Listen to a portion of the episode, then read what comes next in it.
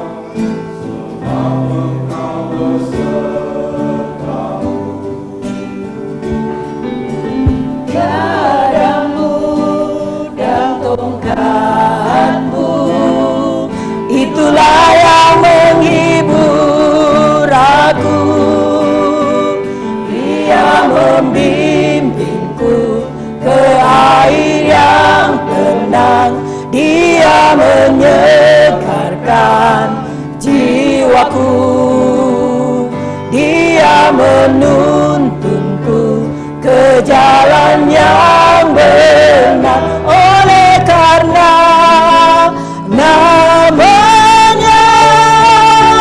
sekalipun aku berjalan dalam lembah